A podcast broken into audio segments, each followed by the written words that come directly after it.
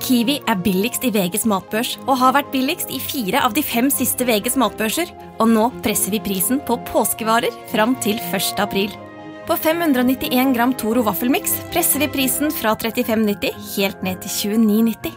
Og 410 gram Lerum jordbærsyltetøy presser vi prisen fra 29,40 helt ned til 22,90. For det er vi som er prispresserne.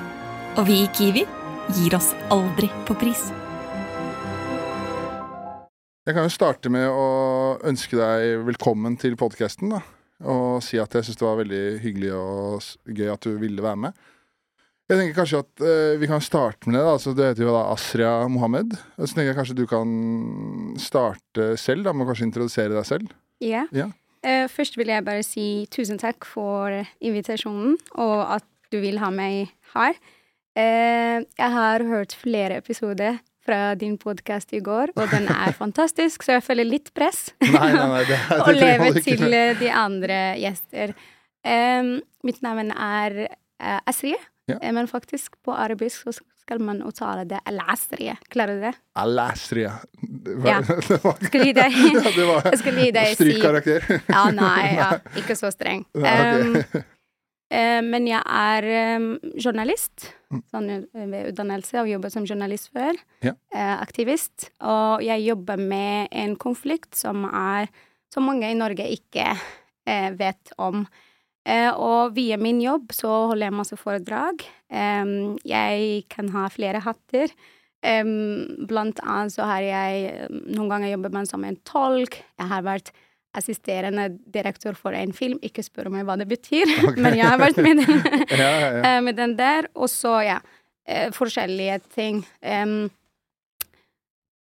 hvis, hvis jeg skal samle litt om hva, hvem jeg er, eller hva jeg driver med, alt er viktig for meg å fortelle historier til en glemt folk. Jeg ofte sier 'people resist by telling their stories'. Det er Ja. ikke min sitat, jeg bare eh, henter det fra en kjent eh, eh, forfatter. Ja. Um, og der, derfor så er jeg enda, opp i flere um, field som jeg faktisk er ikke helt ekspert på.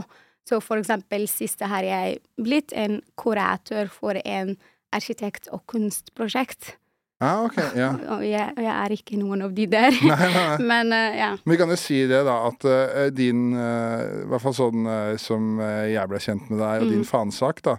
Det er at du jobber da for Vest-Sahara, som er da den siste, altså den siste kolonien i Mm. Afrika. Og det ligger da på en måte mellom grensa mellom eh, Eller på grensa til Marokko og Algerie. Og det er da eh, Fra gammelt av da, så var det på en måte en spansk koloni. Og så har da Spania trukket seg ut, og så har Marokko kommet inn og kolonisert eh, Vest-Sahara som land, da.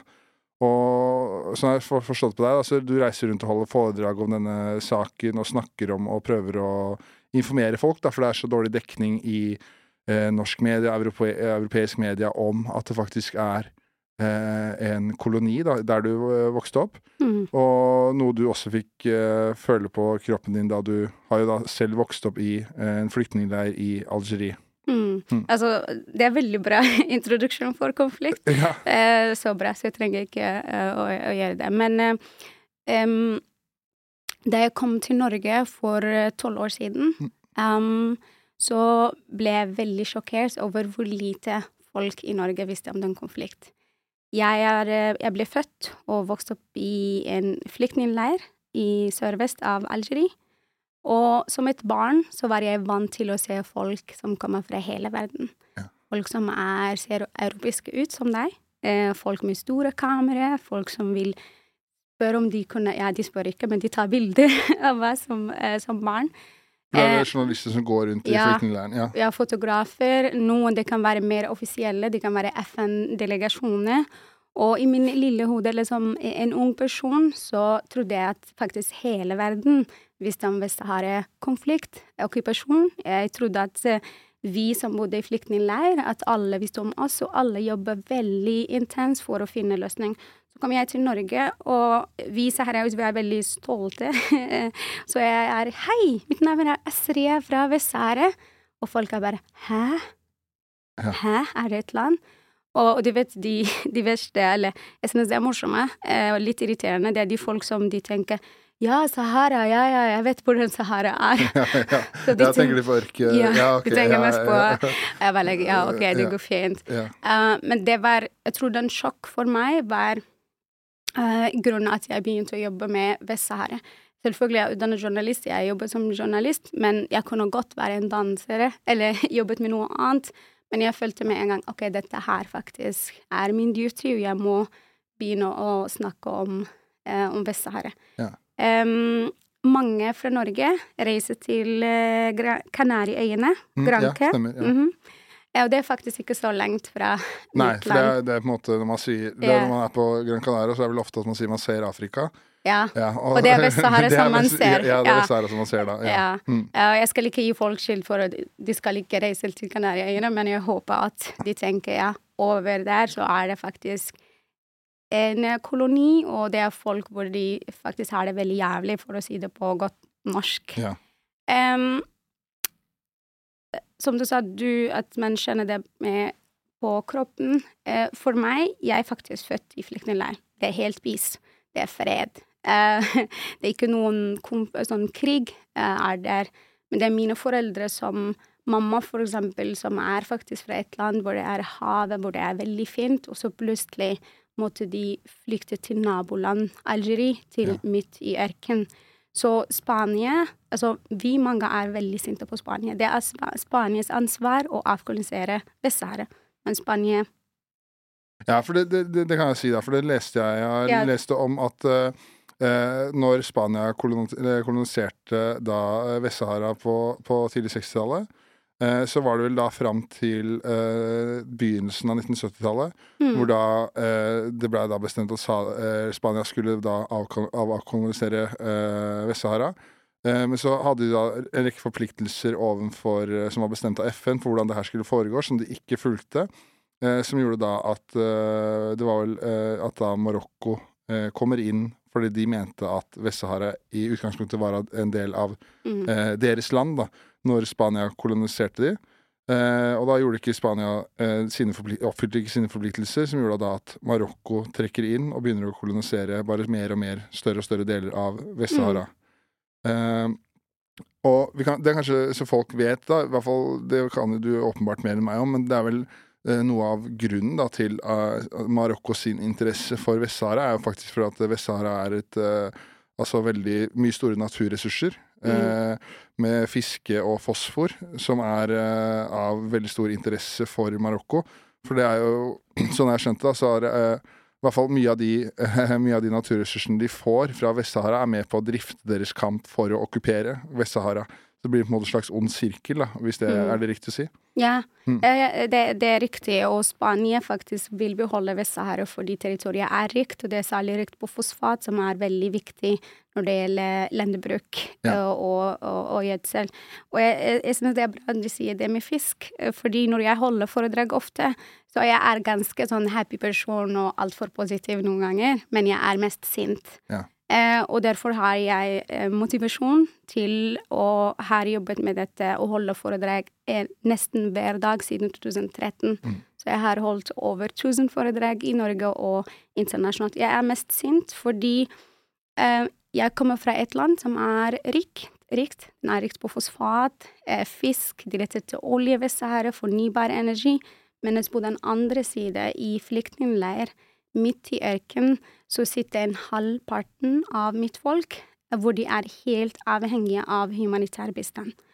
Um, uh, Espen, jeg inviterer deg til å reise til, uh, sammen med meg til flyktningleirene, og du kan si for eksempel, du kommer ikke til å si det, men la oss si at du på en måte sier dere er fattige. Og hvis du sier det Ja, ja, jeg vet, sorry for den måten å si det, men hvis du sier det, det kan hende at du får sånn slag på sånn Ja, vel fortjent, vil jeg ja, si. ja, ja, på ansikt. Men det er fordi folk så Praktisk sett så er de fattige, ikke sant? Du er, du er avhengig av humanitær bistand, du lever under de vanlige sånn eh, standards i, i verden, men folk blir sinte fordi de vet at de kommer fra et rikt land. Ja. Og jeg blir, jeg blir så sint fordi de eh, 200 000 flyktning, flyktninger som bor midt i ørkenen, de er avhengige av humanitær bistand. Eh, men folk har bodd der i over 40 år, så hvert år så er det mindre og mindre eh, humanitær bistand til eh, flyktningleirene. Det å snakke om fisk, jeg synes det er veldig interessant, fordi jeg kommer fra Vest-Sahara, hvor det er sånn mye fisk. Men første gang jeg faktisk smakte fersk fisk, det var jeg kom til Norge. Ja. Og, og det er også Jeg blir så sint også, fordi jeg vokste opp at vi får um, fisk i cans, altså en um, hermetikk. Ja, hermetikk, ja. Uh, og det som er ironi i det, at du får fisk fra land, eksempel Sverige. Sverige er ikke det beste eksempelet å bruke, men la oss si du får fisk fra Spania eller Sverige. Og så samtidig det er de samme landene som fisker nå i Vest-Sahara. Ja. Det er de samme landene som eh, går i avtale med Marokko, som inkluderer, eh, inkluderer Vest-Sahara. Så det er det sinnet som du, du, du sitter med, at eh, ja, her er det bestanddelen skal være takknemlig, og så eh, ferdig. Em, og det jeg likte da du sa med mediene, for meg det er um, Jeg ble overrasket hvor lite er i mediene om Vest-Sahara, men nå er jeg ikke helt overrasket, fordi uh, Hvorfor skal folk i Norge bryr seg om Vest-Sahara? Liksom. Jo da, men det er bli- Helt kynisk måte.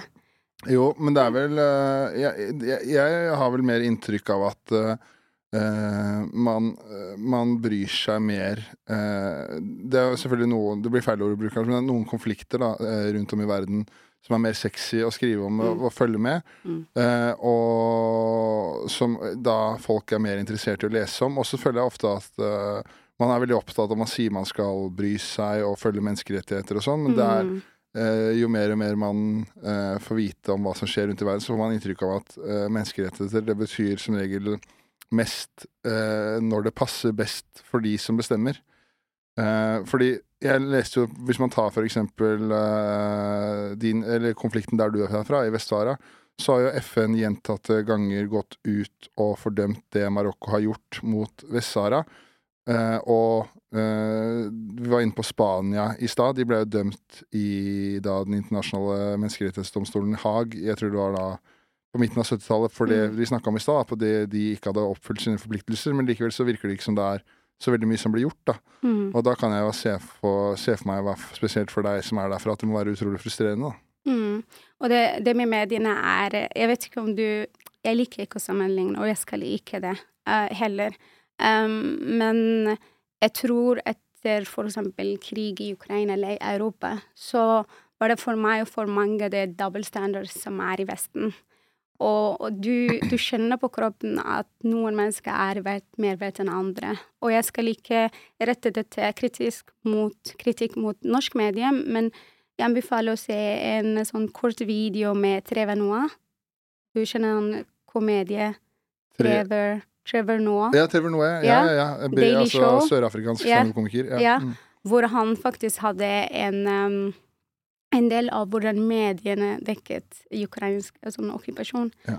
Uh, og så var det det var noen amerikanere som sier you, This is scenes you only see in North Africa or Middle East. Og, Ja. og, og det, det å se, og dere ser, ser på sånne videoer, så skjønner jeg at Wow. Altså Mm. at eh, virkelig noen mennesker er mer verdt enn andre.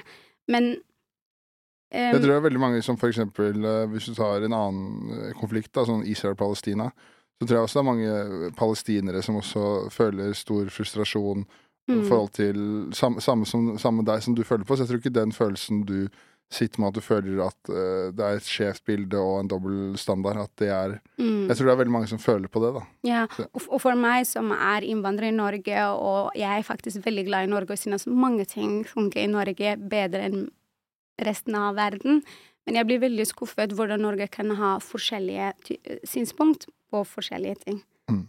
De skal være universelle, de skal være samme. Du sa det er menneskerettighetene. Det spiller ingen rolle hvor i verden det er, som om Norge mener faktisk samme. Det er kjempebra at jeg ser utenriksminister snakke veldig tidlig om Ukraina og fordømme okkupasjon, og det er bare you know, fortsett med det. Men hvorfor skal man være stille når det skjer i andre steder i verden? En annen ting, Espen, jeg har reist um, ikke bare i Norge, mye i EU, mye møtte politikere fra hele verden. Og det er ofte folk sier ja, det var bra med fred, det er bra med diplomati, you know? eh, at man ikke bruker vold. Um, men så samtidig blir jeg gjensint, fordi OK, her er det ett eksempel av saharauis, for eksempel, som er i okkupert territorium, som de ikke bruker vold i det hele tatt. Ja. De Det er da folket av uh, Ja. Vest-Sahara. Mm, Ja, mm. folk fra Vest-Sahara etter saharauis. Ja. Så de demonstrerer på den mest uh, fredelige måte. De går ut, de organiserer demonstrasjoner, de har noe flagg Vest-Sahara-flagg er forbudt i det okkuperte territoriet. Eh, men nei, det er kjedelig. Og som du sa, jeg elsker det fordi jeg bruker det på mine foredrag. Det er ikke så sexy å skrive om det. Eh, men vi ser at mediene de fokuserer mer når det blir mer vold. Eh, så på en måte, folk fra Vest-Sahara, de blir straffet for å bruke, eh, for å bruke fred. Så mange unge nå i Vest-Sahara, uansett om det er i flyktningleir eller i det okkuperte territoriet, så de tenker Du vet når du sier United Nations, så sier de United Nothing. Ja. Fordi de har ikke sett at det, eh, at det skjer noe. Eh, en annen ting um, Du nevnte det med FN. Så FN har en fredsbevarende styrke, sånn peacekeeping mission, i de okkuperte territoriene Vest-Sahara. Og, det er helt absurd å tenke på at du har FN til stede, men de har ikke mandat til å rapportere om menneskerettighetene Nei. de kan se, og det heter MINURSO. Um, uh, United Nations Peacekeeping Mission for the Referendum of Western Sahara. Så okay. de kan kjøre mens de ser at en saharawi blir banket opp av uh, politiet, og så kjører de videre. Ja. Og det er veldig rart, det er, og det er rett og slett på grunn av Frankrike. ja, for det, det, det ja, ikke sant. Ja. Så um, For det, er, også det kan vi si da at Frankrike er, eh, støtter Marokko Mm. i, i denne konflikten. mm, Uh, og uh, som jeg, jeg tenker kanskje som kan være lurt å, å nevne, da, er at Som kanskje du kan snakke litt om, men det er jo at da Jeg føler at det er en del europeiske eh, land som eh, Eller Marokko, da. De er i en eh, har en unik beliggenhet, for de er på en måte da Hva skal man kalle det? Det er det stedet som måte kontrollerer flyktningstrømmen inn i store deler av Europa. Noe som gjør at Man kan si mye om europeere, men det er vel kanskje ikke noe hemmelighet at de vil ha alt Altså, det vil gjerne ha flyktninger i et visst antall på sin, sine premisser. Så noe som gjør at uh, Marokko har jo et ganske sterkt kort å spille på da i forhold til de europeiske landene, noe som gjør uh, kanskje er hovedgrunnen til at det ikke skjer noe med konflikten, da, hvis det er riktig å si. Det kan jo kanskje du snakke litt mer om? Mm. Ja, og det, igjen, vi kommer tilbake til den double standards, vi kommer tilbake til den sinnet. For eksempel EU, altså European Union, for meg som er ikke derfra, og så tenker jeg det er faktisk veldig bra opplegg. Det er kjempebra at en student fra Spania kunne flytte til Tyskland og studere, og du føler at alt går uten alle de byråkratiske ting, Ja. eller migrasjon som jeg må oppleve, eller måtte oppleve. Eh, men og da EU fikk nobelpris, hvis jeg ikke tar feil, var det ikke 2015, i hvert fall rundt det, så vi var mange fra Vest-Sahara like, what? Ja. Kødder du? Fordi em, det er mye kritikk mot USA. For eksempel, det er ingen land i verden som anerkjenner marokkansk okkupasjon på Vest-Sahara. Og det er bra, til Trump kom i 2020. Eh, og det var faktisk menneskerettighetsdag, sånn Human Rights Day, 10th of December. Så kom Trump, og han sier ja, vi anerkjenner marokkansk uh, okkupasjon uh, av Vest-Sahara. Vi Ja. mener at Vest-Sahara er en del av Marokko. Og dette var sånn Han er dealman, ikke sant? Trademan. Så det var en eh, på en måte bytte. Så Marokko eh, du, Marokko skal ha bedre be, eh, relasjoner med Israel. Og så kan dere få tilbudet at vi anerkjenner Vest-Sahara. Ja. Det er dumt fordi faktisk Marokko har godt forhold til Israel. Eh, og det er mange jøder som er, Det er ikke at jøder og Israel er det samme. eh, Nei, nei, nei, hele nei, men Ja. Men ja, det er på grunn av den historien. Så, så mange i Norge og Europa bare sier like, ja, USA og you know, peker finger på USA, men EU er ikke noe bedre. Det er Nei. ikke sent. Eh, som du sier, er um, Marokko er veldig viktig land for Europa. Og det er når det gjelder immigrasjon, eh, når det gjelder terror, koordinasjon når det gjelder sånn eh, sikkerhet. Samarbeid om sikkerhet? Ja, samarbeid om sikkerhet. Så igjen um, Det er ikke nødvendig um, Frankrike støtter Marokko, det er ikke nødvendigvis fordi de er glad i, i Marokko, tenker jeg. Nei. Men så lenge de passer på grensene Det er deres egen til- vinning? ja, ja. så er det, det er topp. Så eh, Europa er vel sånn ja, menneskerettighetene, prinsippet, og immigrasjon. Vi driter i alt det, så vi Ja, vi, vi støtter Marokko. Og Marokko vet dette veldig, veldig godt, og Marokko bruker kort til immigrasjon i alt mulig. Ja. Jeg har møtt eh, politikere eh, som sier em, at marokkanere bare sier det rett frem på møtet. Husk det med immigrasjon. Ja. Hvis Spania tør å si ett ord som er mot Marokko eh, mm, Den marokkanske ok- okkupasjonen? Ja. Vest-Sahara, så dukker opp hundrevis av immigranter. Ja. Og jeg blir sint hvis du eh, Det var i 2021, vi føler alle gå og sjekke det, men hvordan eh, immigranter fra Marokko de kommer inn på den som heter Sauti Amelie. Det er veldig nær det For noen marokkanere det er Marokko, men det er spansk territorium. Okay, ja. Og jeg blir sint fordi du ser på bildet, så det er barnet. Det er barn. Altså, jeg, jeg hater hvordan statene kan bruke innocent folk for sine egne eh, sånn politiske interesser. La meg gi deg et annet eksempel. Sverige er den beste land når det gjelder bra posisjon på Vest-Sahara. Så de støtter folkerett, de sier de riktige ting, de kritiserer menneskerettighetsbrudd i Vest-Sahara. Og det er ingen land, dessverre, i Europa som anerkjenner Vest-Sahara, Sahara Republic, som eh, stat. Det er mange afrikanske land, latinamerikanske latin land, som anerkjenner det, men ikke europeisk.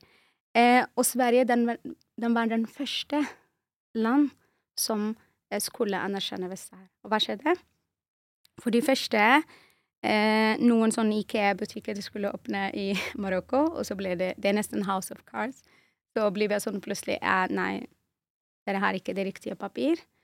Og så plutselig en dag, det dukket opp i eh, gatene i Stockholm eh, flere sånn eh, tusenvis av tenåringer tenåring som er fra Marokko.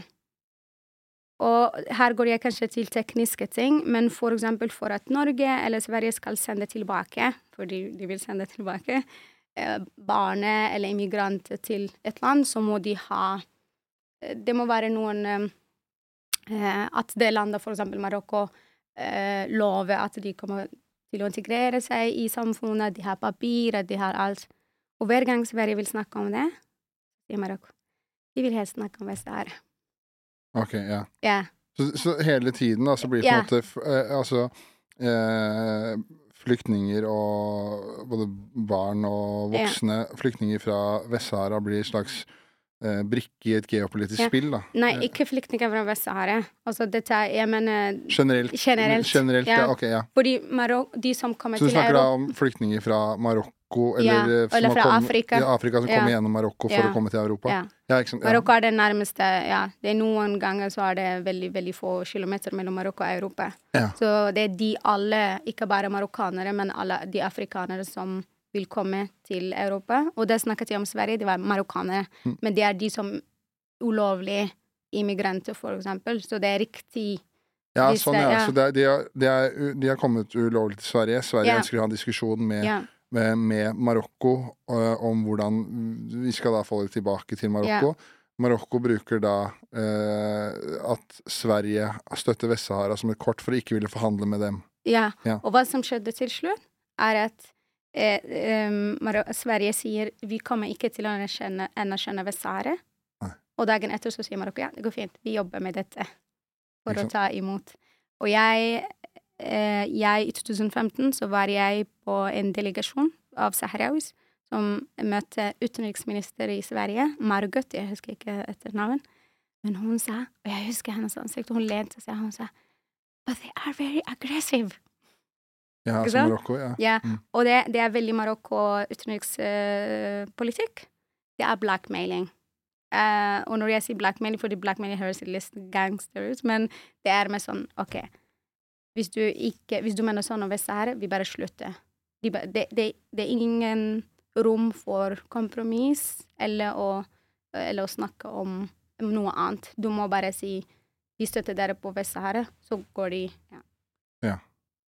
Ja, det er jo Men jeg vil jo si at, uh, at blackmailing er Det er jo et riktig ord å bruke om en uh, sånn situasjon. Ja. Men en ting vi kan jo, har, du noe mer du vil si om det? For jeg har også lyst til å kanskje spørre deg om et par andre ting. Sånn, vi hoppa litt over i starten også. Sånn forhold til Du, sa, du sier jo, eller som jeg er inne på da, så er du jo oppvokst i en uh, flyktningleir i uh, Algerie. Yeah. Uh, kan du på en måte snakke litt om hvordan, hvordan det var for deg? For jeg kan se for meg at kanskje du snakka om at det var journalister der med kamera og sånn, og jeg må kanskje, uh, det er mulig jeg tar feil, men jeg ser kanskje for meg da at man går rundt og tenker å, de tar bilder av oss, nå kommer det snart hjelp, men så skjer det, mm. skjer det aldri noe. Kanskje, hvordan var det å vokse opp i en flyktningleir? Ja, altså um jeg var barn um, Eller når jeg tenker på barnet i Norge noen ganger Du har barn, ikke sant? Ja. Og det er leggetid. Hva heter det? Leggetid? Leggetid, ja. ja. Når jeg hører det 'Nå er det leggetid', så tenker jeg 'stakkars barn'. Fordi uh, hvordan jeg vokste opp, det er sånn mye frihet. Um, jeg tror det var barn, eller når man er barn i leirene, du forstår ikke helt at du er noe annerledes. Du forstår ikke at du er i en, en flyktningleir. Um, så for meg, eh, når jeg tenker på barndom, det var bare happy. Ja. Eh, vi eh, lekte ut eh, uten eh, sko, hva sier man? Sånn, ja, uten sko, ja. ja. Det er sand. Altså flyktningleir er det Den er eh, Den ligger i ørkenen. før bodde ingen der, så det var første Sahara-flyktninger som ble som bodde der. Så når jeg tenker på flyktningleir, så det som barn, det er bare frihet. Vi lekte, det var ingen leggetid, som du sier. Um, jeg husker i, Det er ørken, og når man snakker om ørken, så er det mangel på vann. Uh, så jeg husker at uh, når jeg skulle hente vann uh, som barn, så jeg hadde sånn fem liter Du vet den fem liter plastikk som du kjøper? Bøtte? Ja, bøtte. Mm, mm. og mens jeg ventet at det vann sånn kom, så husker jeg at jeg sånn snakket, og ja, så jeg visste på en måte tenkte jeg alltid kommer til å være en journalist, eller drive ja, med noe Holdt opp ja, sånn show. Ja, gøy, ja. Men det, det, er veldig Du kjenner ingenting. Og jeg var i leirene nå i, uh, i mars. Reiste sammen med ungdomspolitikere fra alle ungdomspartier i Norge. Og vi satt, vi drikka masse te i Vest-Sahara. Det er sånn lang seremoni med te. Og så klokka var over midnatt, og så ser jeg at min nevø, som er fire, han bare Han spiller fotball, han ler, sånn, så tenker jeg Ja. Nei, det er bedre enn barna i Norge. jeg prøver bare ja. Men jeg prøver å tenke at ja Du prøver å være positiv? Ja, ja. prøver å være positiv. At det er ikke Men da sånn blir du litt uh, Blir litt Og det du sa med at utlendinger Uff. Når jeg bruker den utlendingen, så er det veldig rart vant til at jeg var utlending. Nei. Oh, ja, okay. du kan klippe den bort. Nei, nei, nei. uh, men når vi, folk kommer fra Europa, så jeg husker at vi har um, uttrykk sånn på spansk som vi lagde selv, og det vi sier, vi løper etter de, og så sånn 'dami caramello, dami caramello'. og det er sånn 'gi oss candies'. Ja, ja, de har alt. Ja. Ja, de har, når det kom uh, folk fra Europa Ja, så hvit person betyr det sånn godteri. så ja. Men da um, Og i um, flyktningleir eh, Kanskje det er vanskelig for folk å forstå, men eh, folk i Vest-Sahara er delt i to. Da Marokko okkuperte Vest-Sahara, de bombet Sahara-befolkningen, så en halvparten flyktet til naboland Algerie, hvor man finner over 200 000 mennesker som bor der. Og blant de folk som flyttet til naboland, så er det min familie. Mamma, bestemor og eh, Og de er fortsatt i flyktningleir? Og de er fortsatt i flyktningleir. Og og for meg det er veldig trist og når jeg snakker til min nevø, som er ung, og så tenker på bestemor som døde i flyktningleir, og hun fikk aldri oppleve hvordan er det å reise tilbake. Så hver gang jeg tenker jeg vil ikke jobbe med dette lenger, så tenker jeg på Bestemor, ja. ja eller at du kan ikke bare gi opp eh, på en måte. Men så, øh, sånn som øh, når man ser Hvis man ser på nyhetene, for eksempel, da så ser man at de filmer i en uh, flyktningleir, så ser man kanskje eh, at det er veldig mange mennesker på et lite område, det er mye telt og, og sånn forskjellig. Altså, hvordan, hvordan var det i, i, i den flyktningleiren du vokste opp i? Hvordan var på en måte eh, Jeg vet ikke om Mm. infrastruktur blir riktig ord å bruke, men hvordan var fasilitetene eh, yeah. der for, for, de, for dere? Ja, og så en ting at jeg vil at folk som hører på nå, eller ser dette, at og tenker dette er ikke en flyktningleir fra i går, eller fra ti år siden. Folk Marokko okkuperte Vest-Sahara i 1975, så det er over 40 år. Vi går i 50 år hvor folk bodde midt, eh, midt i ørkenen. Um, de første årene av eksil så bodde folk bare i telt. Um, uh, Så hver familie bor i telt, men klimaet er forferdelig. Og Espen, da vi kom hit, så tenkte jeg «Hæ, det er varmt. Selv jeg er fra ørken. Eh, men tenk at i flyktningleirene i sommer så kan temperaturen gå fra 50 til 55 varmegrader. Ja. Og for at jeg skal forklare det til nordmenn, ofte på foredrag sier jeg på videregående skole Du vet den grandiøse Jeg vil få dem happy litt når du setter det i ovnen. Så det er, eh, det er kjempevarmt. Det er umulig for um, Og på grunn av været at folk De begynte å bygge oss små, småhus. Ja. Eh, og disse småhus Jeg kaller dem småhus, men fordi jeg vet hvordan husene i Norge ser ut. eh, men for meg det er helt vanlige hus. Men de er lagd stort sett av leire. Okay. Det er sånn sand og vann. Eh, veldig små når du, når du tenker. Um, men klimaendring, man tenker om klimaendring, og nå det er ørken. Og før det var barn, så det var ikke mye regn. Men nå er det faktisk det regner oftere. Okay. Det den som gjør at husene bare, hvis det regner, som berg, regn i Bergen eller Vestlandet, Så kollapser husene. ja, kollapser husene. Um, men nå har folk ja, begynt å, bygge opp hus som er siment. For eksempel, jeg jobber i Norge, jeg kan sende penger, sånn at mange folk har det bedre, men stort sett de fleste fortsatt bor i, eh, bo i telt. Og um, når det gjelder mat Vi snakket i stad Mhm. om eh, det med bistand. Så hver måned så blir det delt ut eh, bistand, altså mat, til folk. Eh, og det er ofte veldig basic mat. Du føler deg mett, men den har ikke den ernæring som man trenger. Eh, så i leirene det er mange kvinner som har NMI, altså jern, Jernmangel, ja. Mm. Eh, barnet eh, har det også samme. Det er veldig vanlig. Altså til i dag så tar jeg fortsatt jerntablett. Jeg, kanskje jeg har det kronisk, jeg vet ikke. Eh, det er vanlig blant kvinner, til og med i Norge. Men i leirene så er det Altså her kan jeg spise brokkoli eller ta tablett, men folk der har ikke mulighet. Um, um, ja, så det er ofte bare linser sånne bønner. Ja. Um, mel. eh, og så er det det spørsmålet med vann. Er det ørken? Det er veldig dårlig vann. Eh, vann i leirene er fra grunn. Fra Mm. eh, brønn? Ja. Ja. Eh, og så eh, det er mye eh, metall i det. Det er mye jod. Ja. For eksempel fluorin. Ja. Sånn derfor har vi Jeg vil ikke smile, men det er veldig kjennetegn i flyktningleirene at vi har en sånn gull på, på tennene, og det er ofte på grunn av den vann. Så det, det er morsomt eh, Det er morsomt at i Norge folk tar salt med mye jod, for det er ikke nok jod, mens i lærerne har altfor mye av det Ja. i, eh, i, i vann. Mm.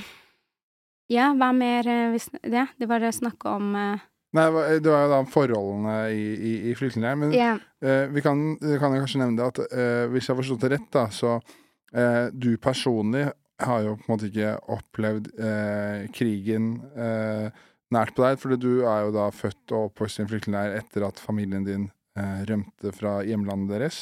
Mm. Men eh, du har jo da besteforeldre, jeg vet ikke om foreldrene dine også opplevde eh, eh, kri krigen på nært hold. Altså, har de på en måte snakka om hvordan det var for dem? Har de fortalt deg, fortalt deg det? Nei, du vet eh, Sahrawis er en ting jeg måtte Jeg måtte lære de første årene jeg begynte å holde foredrag, er å si jeg. Ja. Jeg, jeg, jeg vokste opp å si vi. Vi Ok. Sahrawis opplevd. Vi Sahrawis måtte gjøre. Så sier min kollega Astrid, du må, du kan ikke si vi eller saharaus, fordi det blir for fjernt for folk, men bare si jeg, og så vet folk at du er en eh, eksempel på de som du eh, snakker om. Så um, det er ikke Jeg tror mange folk snakker ikke om det.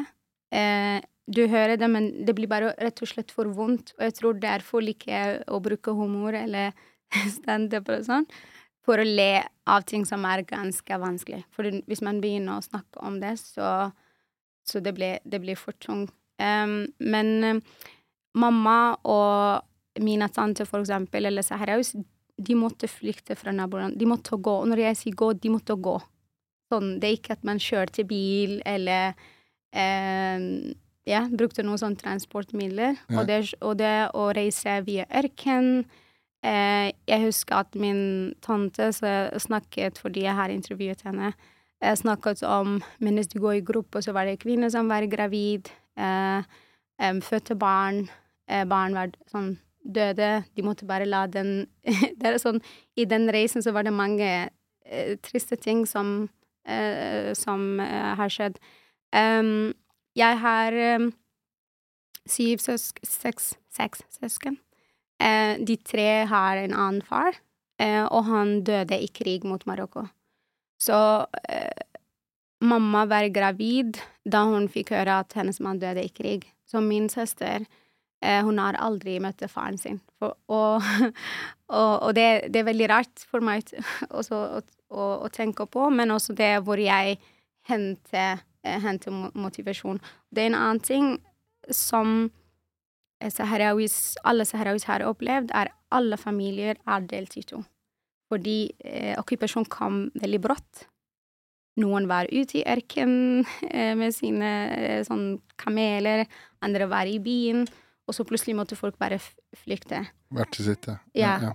Så for eksempel, jeg har noen tanter på den andre sida som jeg har aldri eh, møtt. Nei. Og så får man Det er veldig trist når du tenker på, men uh, før så får man bilde, sånn gammeldags bilde, hvor det er nummer én, nummer to, nummer tre, og bak skriver sånn tante En hilsen sånn, eller ja, forklare bildet? Mm. Ja, forklare, forklare, uh, forklare bildet. Um, mange er flyktet fra sine barn. Mange flyktet, flyktet fra sin ektemann, eh, og så plutselig måtte de eh, eh, ja, leve som om ingenting her, uh, her skjedd. Ja, for det, det, kan man si at uh, når den okkupasjonen tok sted, så ble det jo, uh, ble jo landet Hvis jeg ikke tar helt feil, så ble landet da delt da, med hvor da Marokko bygde murer og satt opp i, altså piggtrådgjerder og sånn for å dele landet i to. Som det, som det, er på en måte en, av hovedgrunnene til at, eh, som du sier, at det var så mange familier som ble splitta. For man kom faktisk, kunne ikke komme i kontakt med hverandre pga. Mm. Av, uh, mu, altså murer og veisperringer og mm. utfordringer på den måten.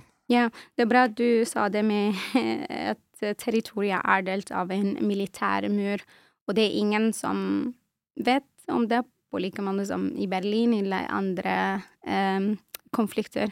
Og du Jeg sa i stad, og så sa du det sånn at jeg har aldri opplevd krig. Det har jeg ikke.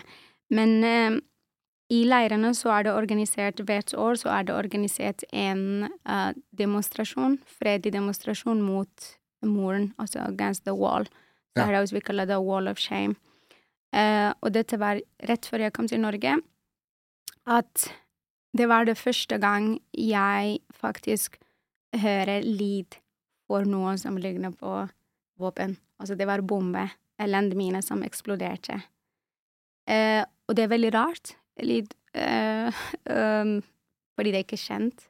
Eh, eh, ta hensyn at vi ikke vokste opp med TV og sånn, så det er mange ting er eh, Ja, jeg skjønner ikke til fra før. Nei, nei. Så vi hørte lyden, um, og vi løp mot det. Og så jeg husker veldig godt at jeg så um, legg til en gutt som er Hva heter det? Nei, av Det var ikke så fint. Nei, nei, men ja. altså, han har mista beinet, og beinet ja. er separert fra resten av kroppen. Ja. Mm. Og det å se å se menneskekjøtt og, og blod for, for, første gang, um, det, det, er ikke så fint syn.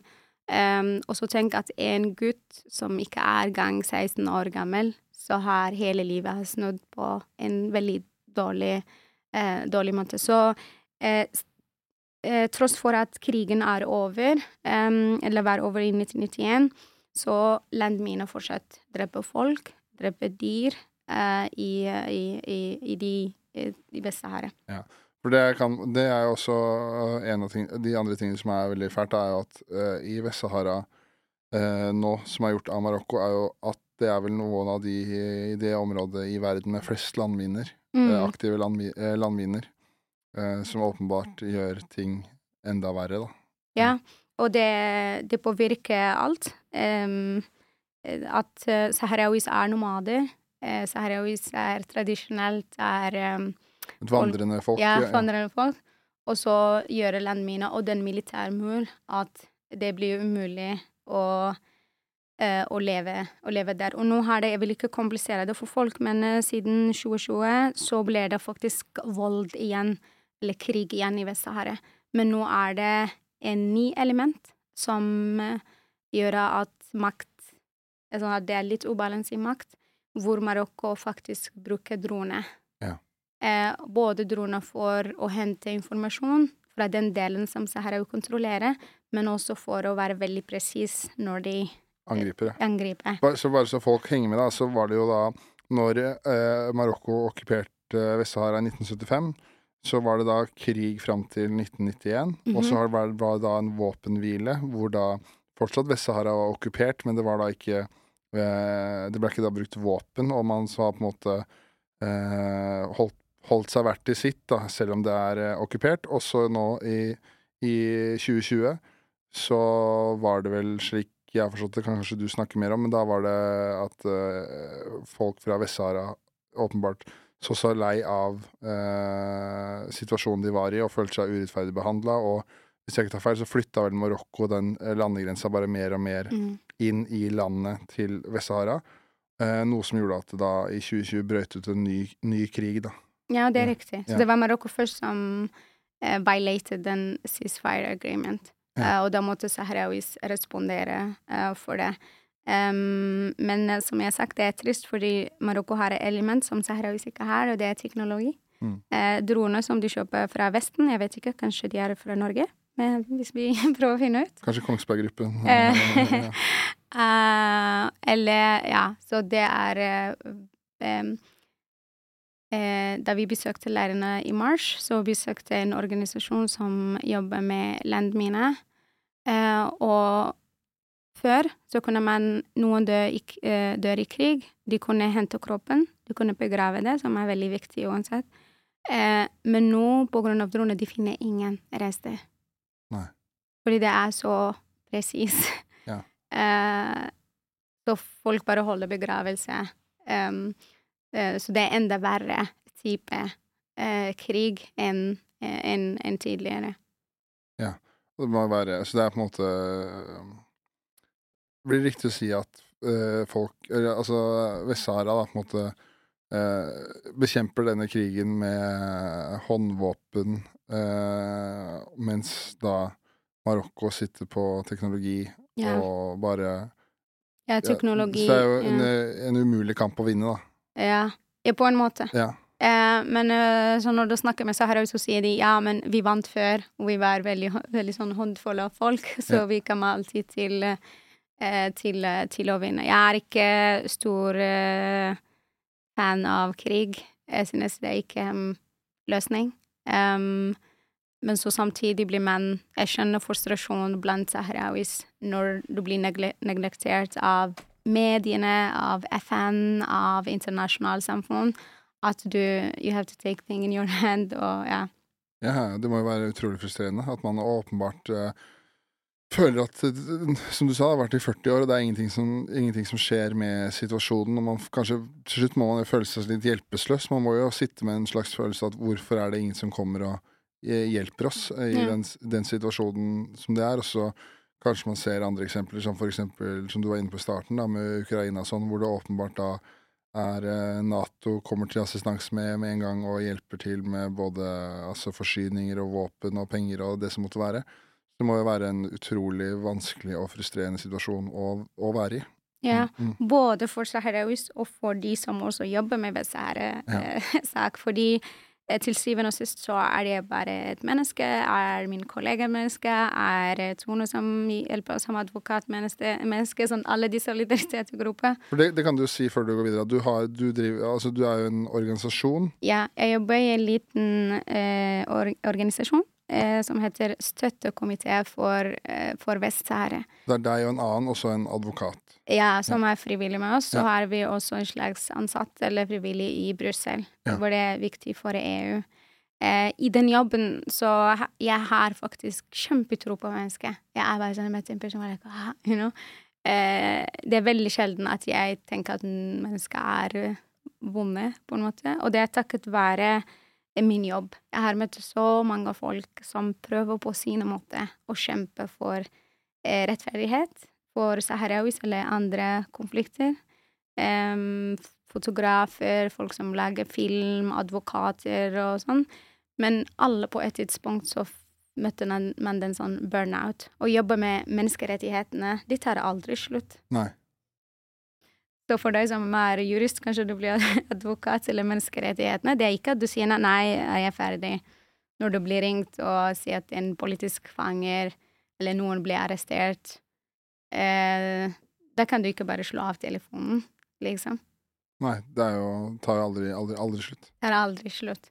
Så, og jeg tror den du sa, det er håpløs situasjon, er at um, Men jobbe, jobbe, jobbe, du vil se resultat, og så resultat for eksempel Norge. Jeg vil at Norge er like tydelig om Vest-Sahara som de er på andre konflikter, og hvis det ikke skjer, så blir jeg bare sånn like, Ja. You know? At uh, du blir tapt av sånn krefter for uh, motivasjon. Uh, og så igjen, det er bare helt vanlige folk som gir det til meg. Ok, nå høres jeg veldig kritisk ut. Nei, nei, nei. nei. Det, jo, jo, jo. Nei, fordi det er ikke meg ofte, men eh, du blir litt Ja. Du blir litt sint av double standards. Og, Ja, blir, eh, og, og det er trist for meg, fordi folkerett er så viktig. Det er viktig for Norge. Jeg mener personlig, dette er min egen personlige mening, jeg mener ikke det hjelper ikke Norge at man er med Nato. Altså, krig har aldri løsning, tenker jeg. Eh, og land som, små land, som Norge, Vest-Sahara og sånn, det er folkerett som er beste våpen. Eh, og derfor må vi beskytte det, ikke bare i Europa, men også i andre i eh, Andre deler av verden òg, ja. Ja. Mm. Men det er kanskje, kanskje det kan være litt eh, For du, du snakka jo om det at du har vært nå i Norge i tolv år, men eh, hele familien din er jo igjen i flyktningleiren i, i Algerie. Eh, hvordan var det Hvordan hadde det seg at, at det, du kom deg til, kom deg til Norge? Ja, det, det var helt sånn tilfeldig. Um, så jeg, som jeg sagt, jobbet som uh, Var ferdig med studiet, jobbet som journalist. Uh, og så var jeg på en utvekslingsprogram uh, hvor jeg kom hit til Norge, mens andre dro til, uh, til flyktningleirene. Um, og så etter det så um, reiste jeg Eller etter det så søkte jeg Etter noen år så søkte jeg på studiet i Norge, eh, hvor jeg også studerte master i, i medie, og hvor jeg skrev om, om Vest-Sahara. Så alt i mitt liv har holdt om Vest-Sahara. Så det var helt tilfeldig at jeg er i Norge. Og jeg husker når jeg først kom til Norge, seriøst, det blir som å komme til helt en annen planet. Ja, Det ja, er så annerledes.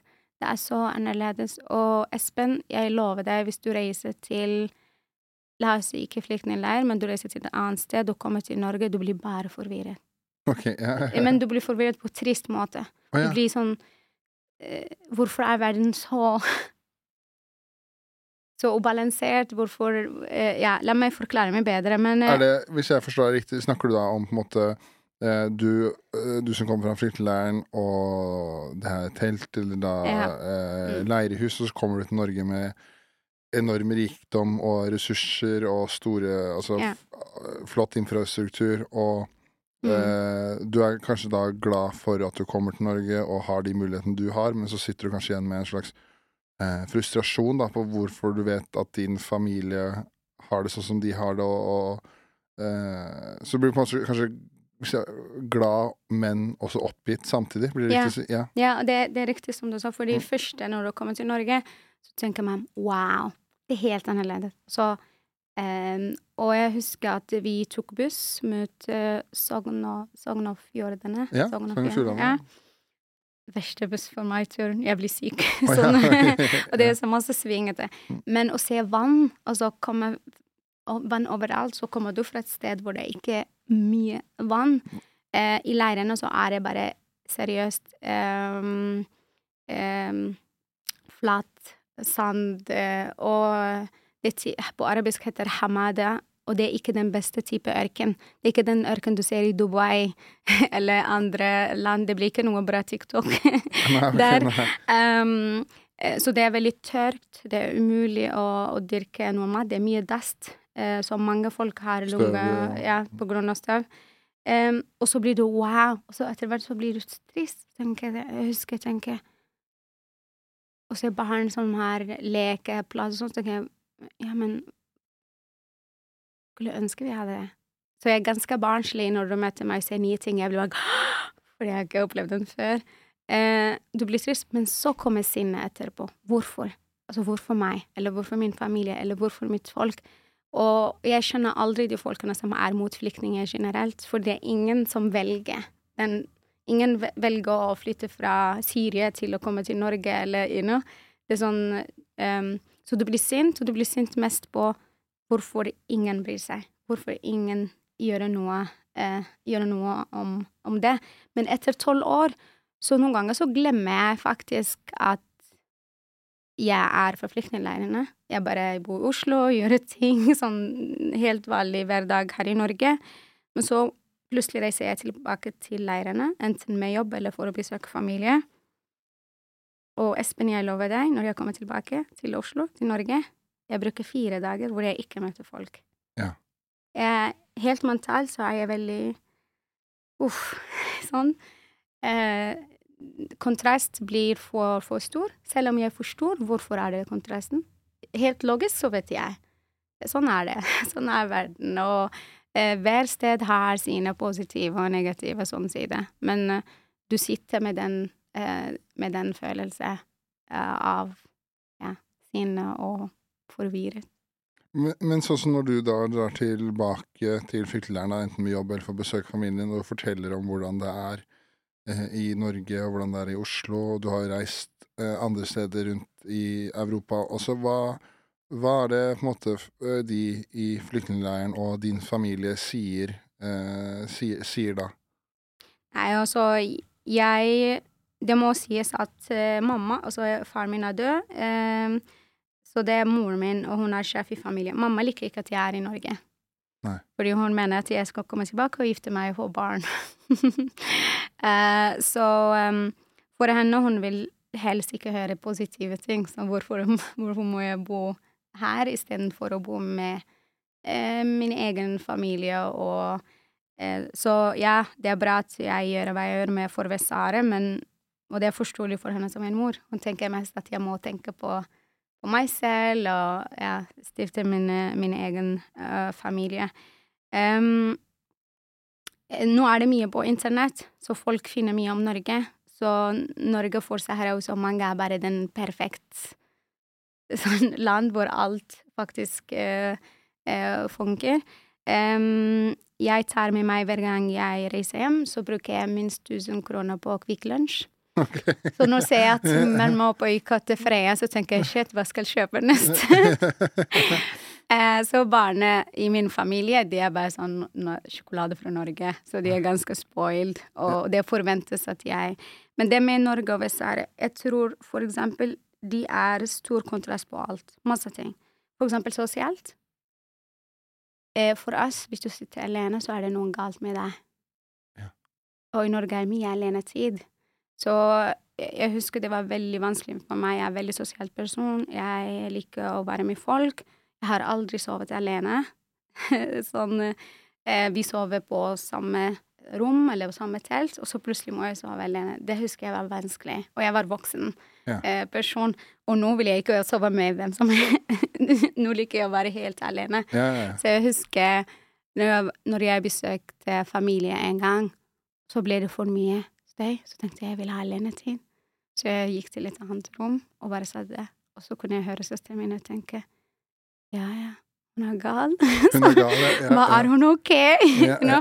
Fordi du skal ikke Ja, du skal ikke sitte alene. Og så eh, Jeg lik- jeg er veldig interessert i kvinnespørsmål generelt, og det er med eh, skjønnhetsidealet. Riktig å si Ja, på norsk? Ja. Eh, det er helt kontrast til Norge. Altså, Norge liker man å ja, være tynn og høy, eh, brun, kanskje bare, bare i sommer. ja, ja. Eh, hvor jeg kommer fra, det er helt motsatt. Du skal være så lyst som mulig.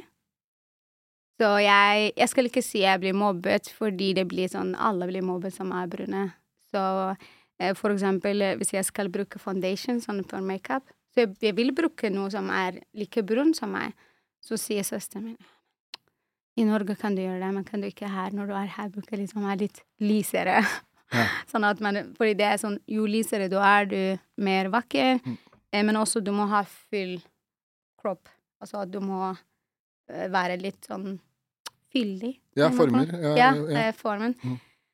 Eh, og det er Det er interessant for meg, som sto mellom to samfunn, som B forventer to forskjellige ting eh, fra meg. Eh, og jeg ser her i Norge at folk faster, gjør alt rart, jeg vet ikke, spiser medisin for å gå ned i vekt og sånn, og de andre gjør det motsatt. Ja. De spiser Det er faktisk helseproblemet i lærerne blant kvinner, fordi de tar medisiner som skulle være for andre sykdommer eller for dyr, for å få dem til å kunne spise mer, for at de har sånn blir sånn litt, eh, litt større. Um, hvorfor gikk jeg der? Det var, eh, hvorfor snakket jeg plutselig om kroppen? Nei, altså du var Ja, de- snakket om ja. kvinneidealet og forskjellen mellom Vest-Sahara Ja. og, og, og, og Norge. Norge, ja. Ja. Så jeg lærte at man skal ikke bry seg hva samfunnet mener om hvordan du skal, du skal, eh, du skal eh, se ut. Um, Men det kan vi kanskje Jeg vet ikke om du er komfortabel med å snakke om det, men du sa jo også det at når du kom her i studio i dag, så sa du at eh, i dag er første gangen du viser deg på kamera eh, Vil, det si uten er det, er det hijab, er det riktig, eller er, hvordan, blir, hvordan blir det Du kan kanskje forklare det?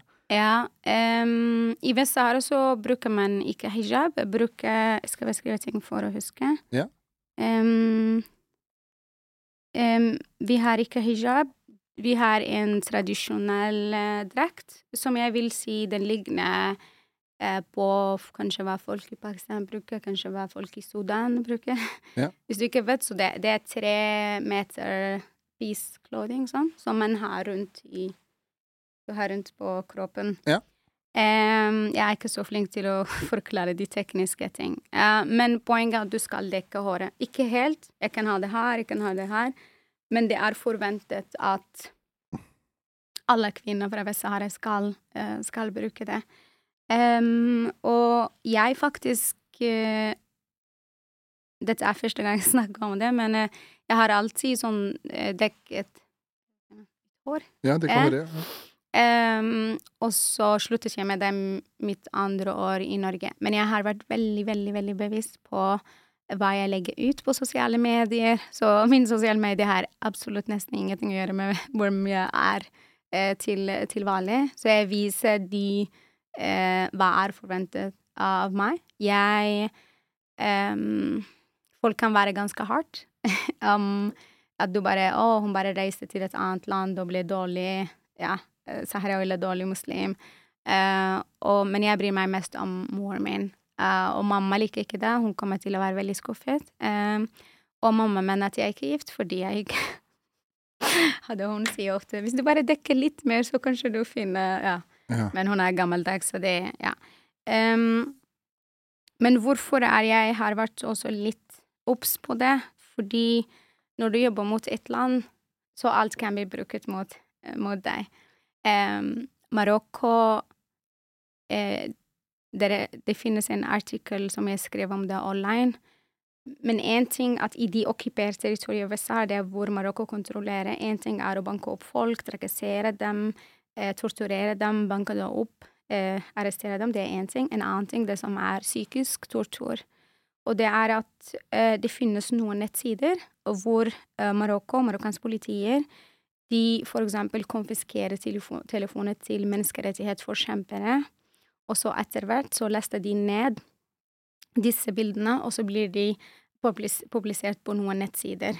Og, og, i disse nettsider så kan det stå Ja, beklager for mitt språk, men så står det sånn Se på hun hore i, i Oslo, eller med den personen. Og det høres, høres veldig teit ut fra norsk perspektiv, eller at du deler, deler bildet til Marte eller Marie som bare har bikini, det har ingenting å si. Men i konservativt samfunn så har det ekstremt mye. Ja. Det er lett at folk kan Du kan miste kredibilitet ja, bare på Ja. Så, du, så, man blir på en måte eh, Man blir hengt ut, rett og slett, da? På, ja. ja. ja. nettopp det. Det er riktig, mm. Eh, det er riktig ord. Så, um, og det, i sånn jobb så kan det er faktisk ganske slitsomt, fordi du blir litt paranoid generelt. Så daglig så kunne jeg møte e-poster fra Hei, jeg er en fotograf. Blir kjent Det er ikke fra Norge, fra hele sånn, verden. Jeg er fotograf eller film. Eh, kan du sende meg sånn? Og jeg vet ikke om du har hørt om Pegasus, eller de sånn spyware, eller phishing. Altså at du kunne bli hacket. Jo, jo, jo, eh, det, jo det, ja, jeg har hørt, hørt om ja, det. Ja, ting som blir installert i ja. Så vi er veldig obs på om jeg klikker på noen link, så du er sånn at Er det noen skal jeg stole på, eller ikke? Eh, er det noen som jeg burde hjelpe? Eh, you know? Så ja. Så det er første gang, eh, eh Espen, som jeg ser sånn ut. Så som jeg har sagt, hvis mamma blir sint, så kan jeg bare gi henne ditt telefonnummer. Ja, da, du, da kan du be en, Da får du be en ringe deg. Hater kjefter. Ja.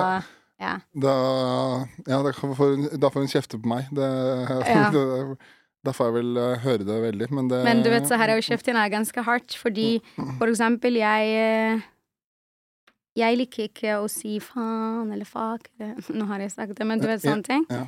Men vår måte å swear eller kjefte er ganske slem. Men det blir sånn Espen, jeg håper at moren din dør.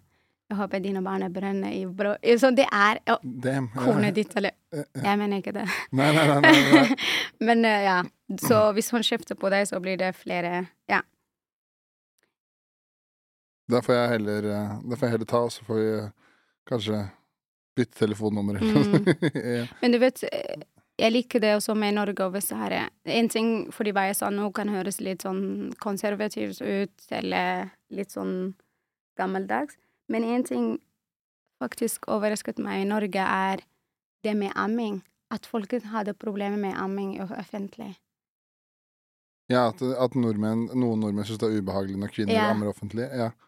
Jeg, jeg, føler kanskje det er uh, kan, Det kan jeg snakke fra eget perspektiv, men jeg, jeg føler kanskje det mer, blir mer og mer utdatert. At det blir mer og mer akseptert, ja, tror jeg. Ja.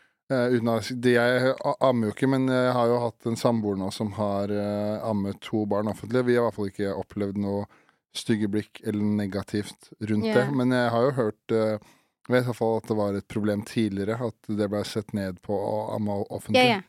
Jeg husker bare det kom, og jeg hørte folk snakke om det, og tenkte hva, det er det mest naturlige sånne ting. og Eh, det jeg sa at vi forventet å kle oss på en ting, men det var ingen problem for kvinner bare å ta opp puppene og begynne å amme barn. Det er Nei. ingen som brydde seg om det i det hele tatt.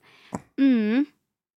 Men er det Nå har vi jo, vi har jo eh, gått, uh, gått gjennom en god del. Er det noe du føler du har mer lyst til å si om konflikten, eller noe, noe du føler vi ikke har dekket? Nei, eh, jeg tror eh, Hvis du ikke har noe sånn å snakke om, så for meg det er helt eh, I am Jeg er ok. Det, det, det, vi kan, som jeg tenker kan være, kan være, fint å snakke om, da, er på en måte hvordan Jeg vet jo du, som vi har vært inne på, du reiser rundt og holder foredrag, du møter politikere og prøver å få folk engasjert i saken din, men på en måte Eh, er det noen måte folk kan støtte deg på, eller er det noe Hvor kan de lese mer om konflikten? Eh, kan for eksempel, Er det noen som kan booke deg, eller no, noen forskjellige ting, da? Eller som man får litt Kanskje noen får Hvis noen ønsker å vite mer, eller snakke med deg? Mm. Ja, det Det um, Jeg tror uh, Først sånn tusen takk at du faktisk um, har det at vi snakker om dette temaet. Fordi det er virkelig, virkelig uh, viktig å få mer medieoppmerksomhet enn Vest-Sahara. Jeg Om man støtter den konflikten eller ikke, det får være opp til folk. Jeg er helt OK med om man er imot det også, uh, men det viktigste er at personen vet, uh, vet om det. hvis man sjekker norsk medie, så er det veldig lite om internasjonalt. Enda mer lite særlig om Afrika. Så at du tar opp hvis jeg har spørsmål, eller NRK eller andre, så er det superviktig. For meg bare at folk hører på den episoden, eller prøver å uh, lese om det. Vi har en nettside som er vest-sahara.org, uh, eller nei, sahara.no. Ja, ja, hvor man kan lese mer. Um, jeg har en Vi har en podkast om Vest-Sahara som heter Sandfast. Ja. Eh, og så ja, vi holder foredrag over eh, hele Norge. Eh, og jeg synes eh, Jeg liker faktisk å holde foredrag mer ut, uh, ut uh, i distriktene ja. i, i, Norge. Fordi det er viktig for demokratiet at man møter lokallagene til organisasjoner og politiske partier. Men også at uh, Norge er Det er mange selskaper som er involvert fra Vest-Sahara, og de kan være fra og de er fra andre steder i Norge. Så norske, en, norske, selskaper? Okay. Ja, norske selskaper. Um, altså på en bra eller dårlig måte? Å ja, dårlig. Oh, ja, okay, ja. det er enten um, de driver med transport av fosfat utenfor Vest-Sahara. Uh, det, det kan være uh, for eksempel Gard. Gard er den største selskapet, insurance-selskap.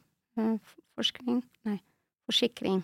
Forsikring, ja. ja. Selskap til båt i, og båt i verden. Og, og, de forsikrer nesten alle båter som er i Vest-Sahara, som driver okkupert territorium i Vest-Sahara. Um, ja, og det er mange norske selskaper som har vært med å fiske i Vest-Sahara eller transportere fisk fra Vest-Sahara. Så på dårlig Beklager, på en, eh, på en dårlig måte.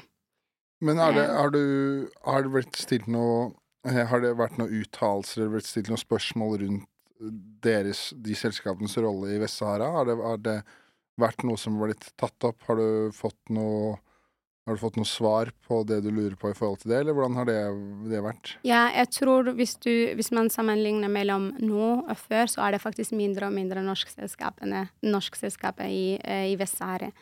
Eh, UD, altså norsk regjering, de fraråder Det er ett eh, sted i verden hvor de fraråder selskapet å drive med næringsliv, og det er i, uh, i Vest-Sahara. Ja. Så for å svare kort på det spørsmålet, så er det mye bedre enn hva vi var før, men det er fortsatt man oppdager en norsk vinkling til uh, til uh, norsk vinkling i, i, uh, i Vest-Sahara. Og for å komme tilbake til min masteroppgave, for eksempel, norsk medie, de bryr ikke seg om Vest-Sahara-spørsmål.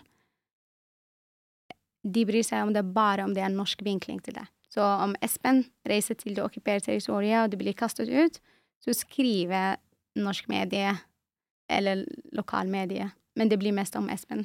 Ja. Og kanskje litt om, om, konflikten. Og derfor er det sånn Så medie plukker opp om det er norsk båt som er i Vest-Sahara. Fordi det blir en vinkling til, til eh, Tilbake til Norge? Ja. ja.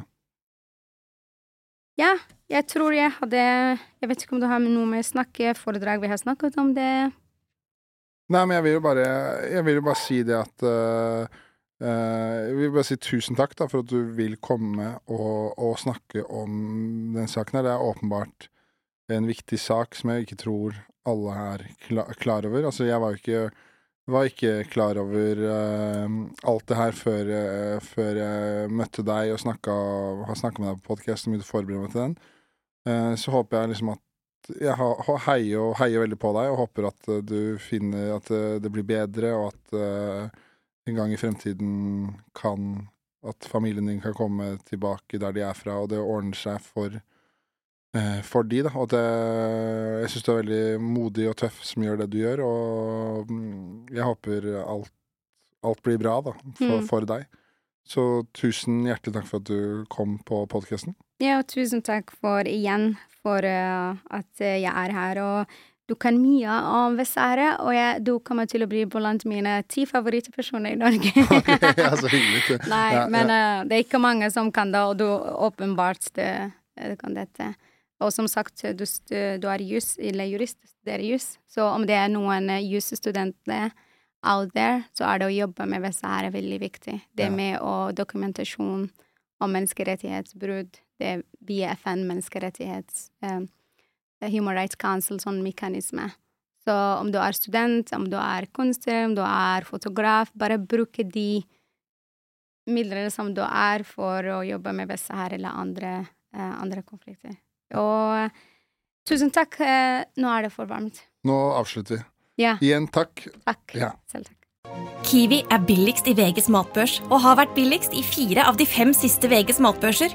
Og nå presser vi prisen på påskevarer fram til 1. april. På 591 gram Toro vaffelmiks presser vi prisen fra 35,90 helt ned til 26,90. På 410 gram Lerum jordbærsyltetøy presser vi prisen fra 29,40 helt ned til 22,90. For det er vi som er prispresserne. Og vi i Kiwi gir oss aldri på pris.